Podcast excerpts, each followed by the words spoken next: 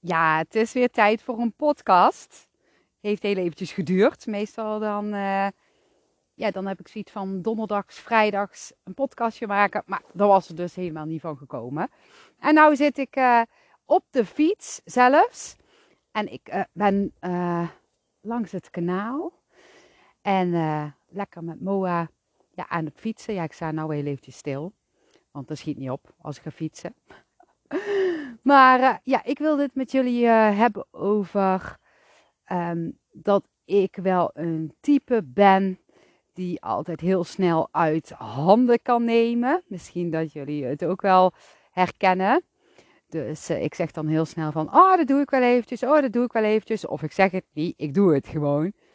En dat schiet eigenlijk niet op. Ik moet zeggen dat ik daar wel, wel al wat meer in, ja mezelf heb verbeterd. Maar toch komt dit stuk steeds weer terug. En mag ik dit steeds uh, op een hoger niveau uh, leren of zo. en ik wil met jullie uh, ja, wel een verhaaltje delen. Wat gewoon heel, heel grappig, simpel verhaaltje. En één heftig verhaal uit het verleden.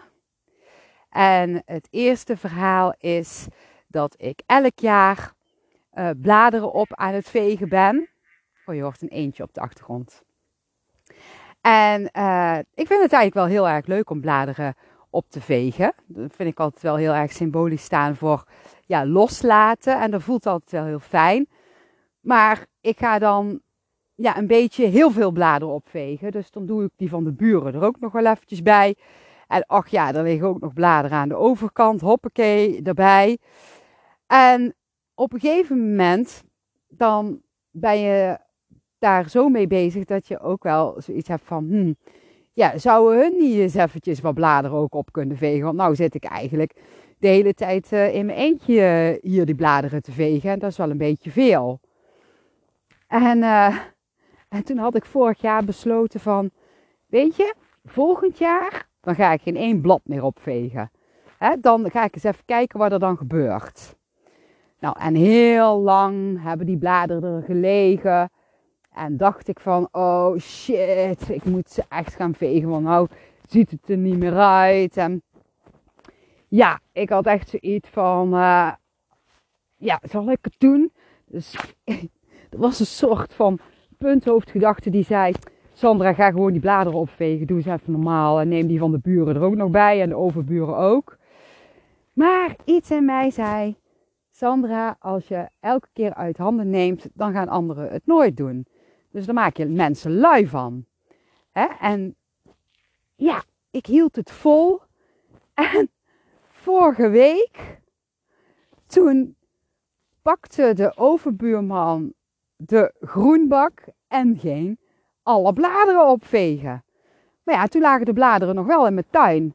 En ik snap natuurlijk wel dat die overbuurman niet zoiets heeft van ik ga even in Sandra's tuin de bladeren opvegen. En dat hoeft natuurlijk ook niet. Maar ja, toen had ik wel zoiets van. Hmm, ah, ik heb eigenlijk helemaal geen zin om die bladeren in de tuin op te vegen. En misschien kan Michiel dat eens een keertje doen. Dat is niet zo'n hele erge tuinman. Maar als ik nou eens gewoon nog, nog langer volhou om het niet te doen. En eens even kijken, als ik dan helemaal niks zeg, dus ik ga geen hint geven van Michiel zou jij niet eens een keer die bladeren opvegen? Dat doe ik niet. Nee, ik ga gewoon het aan het universum overlaten. En kijken of dat Michiel dit zelf ingegeven krijgt. En raar, raar, wat gebeurt er vandaag? Michiel zegt tegen mij: hey, weet jij misschien waar die werkhandschoenen liggen? Ik zeg: Werkhandschoenen? Waarom heb je werkhandschoenen nodig? Nou, ik wil eventjes de blaadjes uh, in de tuin op gaan vegen. En ik dacht: holy shit het heeft gewerkt. En nou uh, ligt er bijna geen blaadje meer. Wat vinden jullie daarvan? Gaaf, hè? Maar goed, dit is eigenlijk maar een uh, ja, klein dingetje.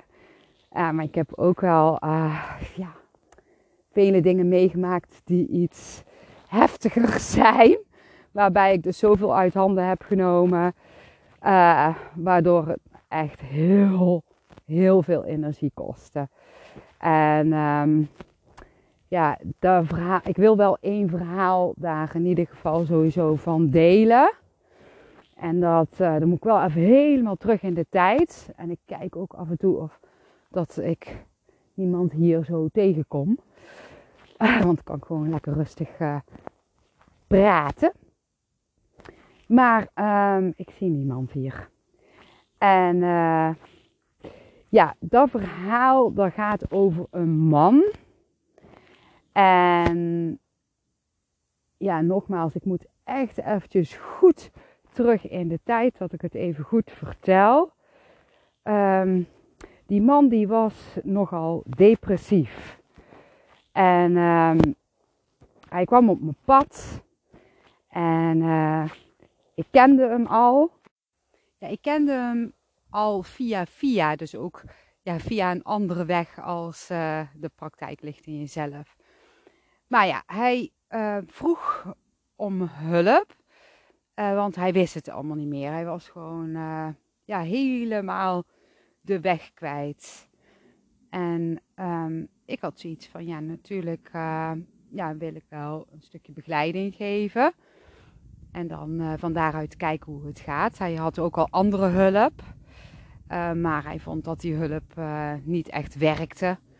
En hij um, had ook al medicatie geprobeerd, maar daar vond hij ook helemaal niks. Uh, nou, om een uh, lang verhaal kort te maken. Uh, ik merkte hè, bij de eerste keer dat ik hem echt dingen mee kon geven. En ik voelde ook dat ja, de energie ging stromen. Maar ja, ik kon hem natuurlijk niet de hele tijd zijn hand vasthouden. Maar ja, aan de ene kant met mijn punthoofddenken had ik zoiets van, ja, ik wil er toch wel echt zoveel mogelijk voor hem zijn. Dus heb ik uh, achteraf gezien veel te veel gegeven. En uh, ja, hem veel te veel uh, begeleid, terwijl ik voelde dat het mij energie ging kosten. Ja, om heel eerlijk te zijn. En ehm, ik kwam erachter dat ik de verantwoordelijkheid van hem op mijn schouders aan het dragen was. Daardoor kostte het ook zoveel energie en er was nogal wat zwaarte. En um, op een of andere manier kreeg ik die zwaarte niet helemaal van me af. En dat is natuurlijk ook wel uh, goed geweest dat dat allemaal zo is gebeurd. Want voor mij is dit wel weer een heel um, goed inzichtrijk leerproces. Uh, ja, die ik wel nodig uh, heb gehad als, uh, om, om bepaalde ervaringen hierin op te doen. Um, ja, en hij begon zich dus ook daardoor, doordat ik dus uh, ja, zoveel hem hielp, begon hij zich heel erg afhankelijk van mij op te stellen. Uh, ja, afhankelijk van mij op te stellen, ja. Dus hij stelde zich afhankelijk op. En daarmee bedoel ik dat hij um, ja, minste geringste belde, uh, berichtjes stuurde van wat moet ik nou doen? Ik weet het niet meer. En ja, dan vertelde ik weer van nou, je kan het beste dit of dat of zo doen, want dan zit je weer lekker in je energie. Maar dat werkt natuurlijk helemaal niet, want dan leert hij het natuurlijk nooit. Hè? Uh, toen ja, kon ik er gewoon bijna niet van slapen. Zoveel zwaarte dat ik voelde van hem. En um, ik voelde dat hij ook uh, um, ja, niet vooruit ging. Maar zelfs leek het wel alsof dat hij een stap terug deed hierdoor.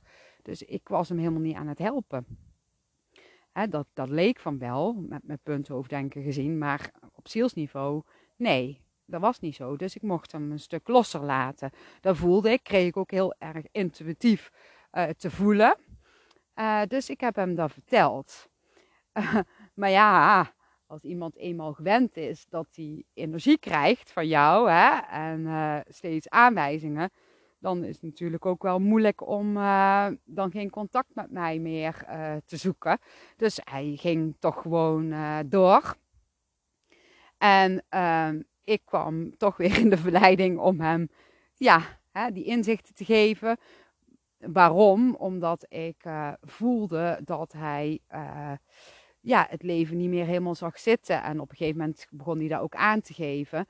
En toen zei ik van ja, maar ik ben niet degene die jou hier nu uh, mee mag begeleiden omdat ik het gevoel heb dat jij toch ja, bepaalde uh, medicatie nodig hebt om uh, rustig te worden. Nou ben ik helemaal geen voorstander voor medicatie eigenlijk, maar ik voelde dat gewoon. Ik, ik voelde niet dat hij op eigen kracht dit proces ja, voort kon zetten en uh, dit voort kon zetten zo op deze manier.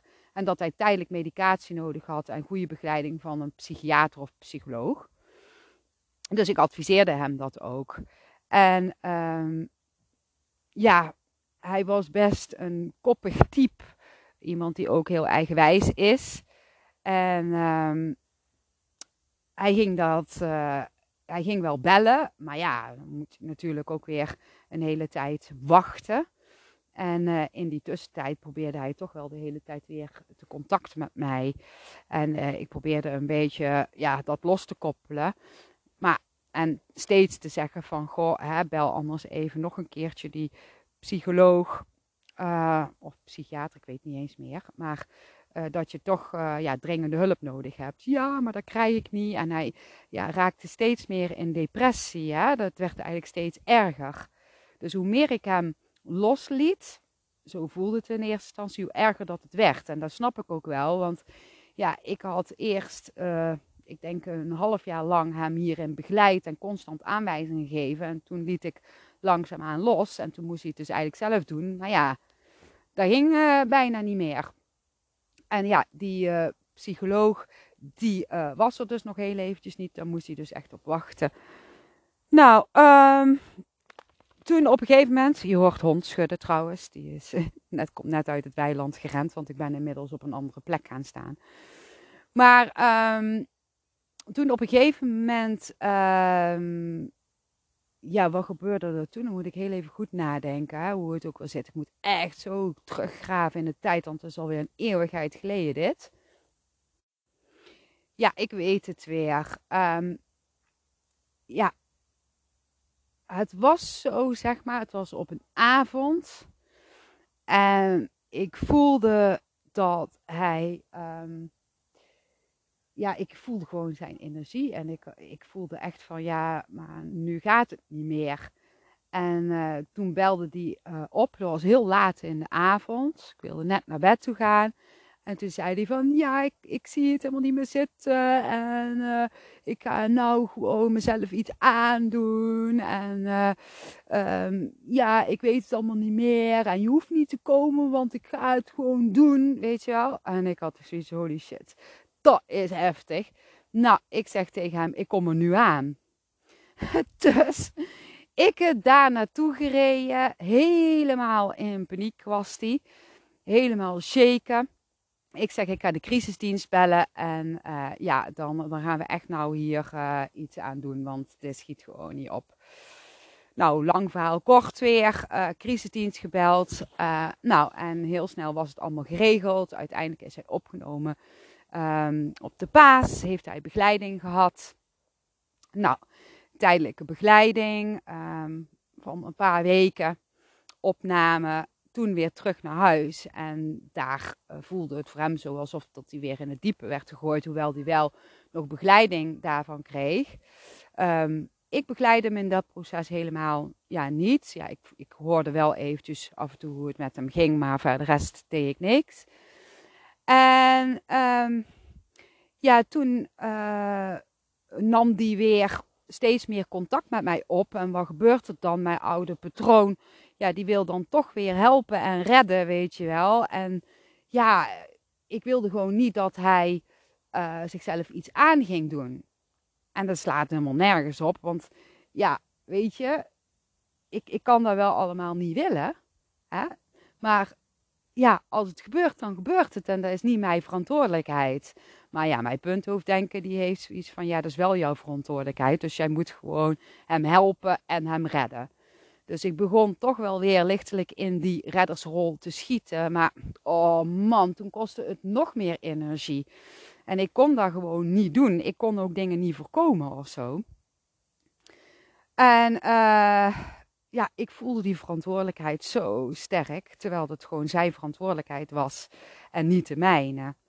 En die droeg ik gewoon echt gewoon op heel mijn lichaam. Niet alleen maar op mijn schouders, maar dat was zo zwaar. Ik, ja, alles kostte me op een gegeven moment energie. Nou, en uh, heel vaak uh, um, zocht hij contact met mij. Kwam hij ook gewoon zomaar spontaan langs. Hè? Gewoon s'avonds laat. Of ja, altijd natuurlijk op momenten waarbij het gewoon ja, echt niet kon. Weet je wel, ik had andere dingen te doen. Nou, dan probeerde ik dan toch snel eventjes wat voor hem te doen. Niet slim, ik weet het allemaal wel hoor. Want jullie zullen nou denken van, Jezus Sandra, ben jij hard leers? Ja, dat klopt. Maar goed, in ieder geval, op een gegeven moment was het helemaal klaar.